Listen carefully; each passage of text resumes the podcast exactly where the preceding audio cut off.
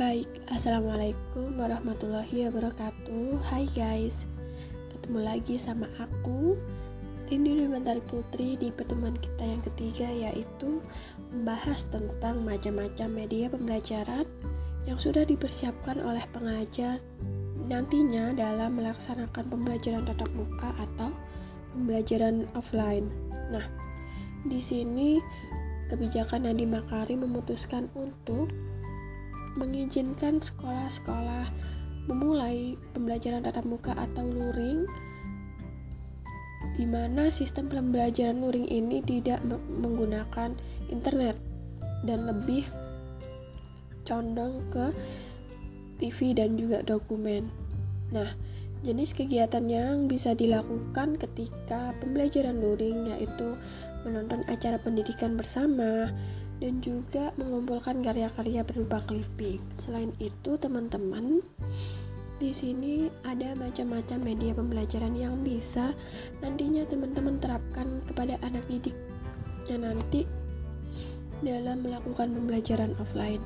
Yang pertama yaitu media audio. Di mana media audio ini berkaitan erat dengan indera pendengaran. Nah, media audio di sini dimaksudkan ke dalam penjelasan-penjelasan guru berupa bahasa lisan atau kata-kata. Nah, yang kedua yaitu media audiovisual. Di media audiovisual ini dibagi menjadi dua yaitu media visual diam dan juga media visual gerak. Di mana media visual diam mempunyai contoh seperti grafik, bagan, diagram, poster dan juga peta. Sedangkan media visual gerak seperti gambar-gambar proyeksi bergerak yang diputar dalam proyektor. Nah, yang ketiga yaitu media audiovisual, di mana media audiovisual ini juga dibagi menjadi dua, yaitu media audiovisual diam dan juga media audiovisual gerak. Nah, dari kedua ini tentunya mereka berkolaborasi untuk menciptakan media pembelajaran yang bisa dimengerti anak didik kita nantinya, di mana media audiovisual mempunyai media audiovisual diam mempunyai contoh seperti film, halaman bersuara, dan juga buku bersuara. Sedangkan media audiovisual gerak seperti TV, film, potongan film-film, dan juga gambar bersuara. Nah, yang keempat yaitu media serba aneka, di mana media serba aneka ini merupakan suatu media yang disesuaikan dengan potensi di suatu daerah atau di, di sekitar sekolah.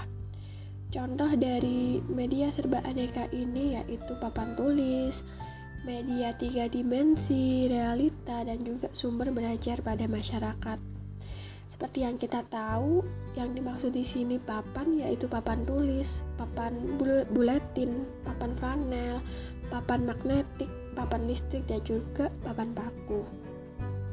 Sedangkan media tiga dimensi, guru lebih sering menggunakan model, mock-up, dan juga diorama. Sedangkan realita adalah benda-benda nyata seperti apa adanya atau aslinya. Contoh pemanfaatan realita, misalnya guru membawa kelinci, burung, ikan, atau dengan mengajak siswanya langsung ke kebun sekolah atau ke peternakan sekolah sangat sumber belajar pada masyarakat di antaranya dengan karya wisata dan juga berkemah. Nah, yang kelima yaitu teman-teman gambar fotografi di mana gambar fotografi ini dapat diperoleh ketika pembelajaran teman-teman memfoto seperti surat kabar, lukisan, kartun, ilustrasi foto yang diperoleh dari berbagai sumber sehingga dapat digunakan oleh guru secara efektif dan kondusif dalam kegiatan belajar mengajar. Nah, yang terakhir yaitu peta dan grobe.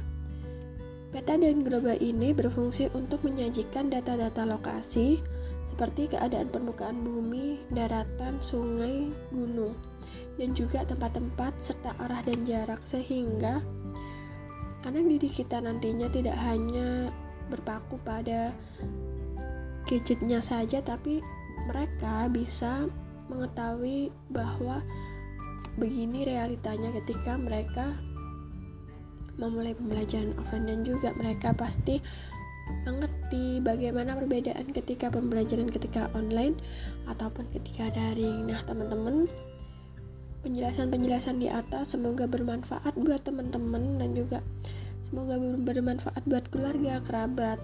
Stay safe, stay healthy, tetap jaga kesehatan di mana pun kalian berada. Terima kasih. Assalamualaikum warahmatullahi wabarakatuh.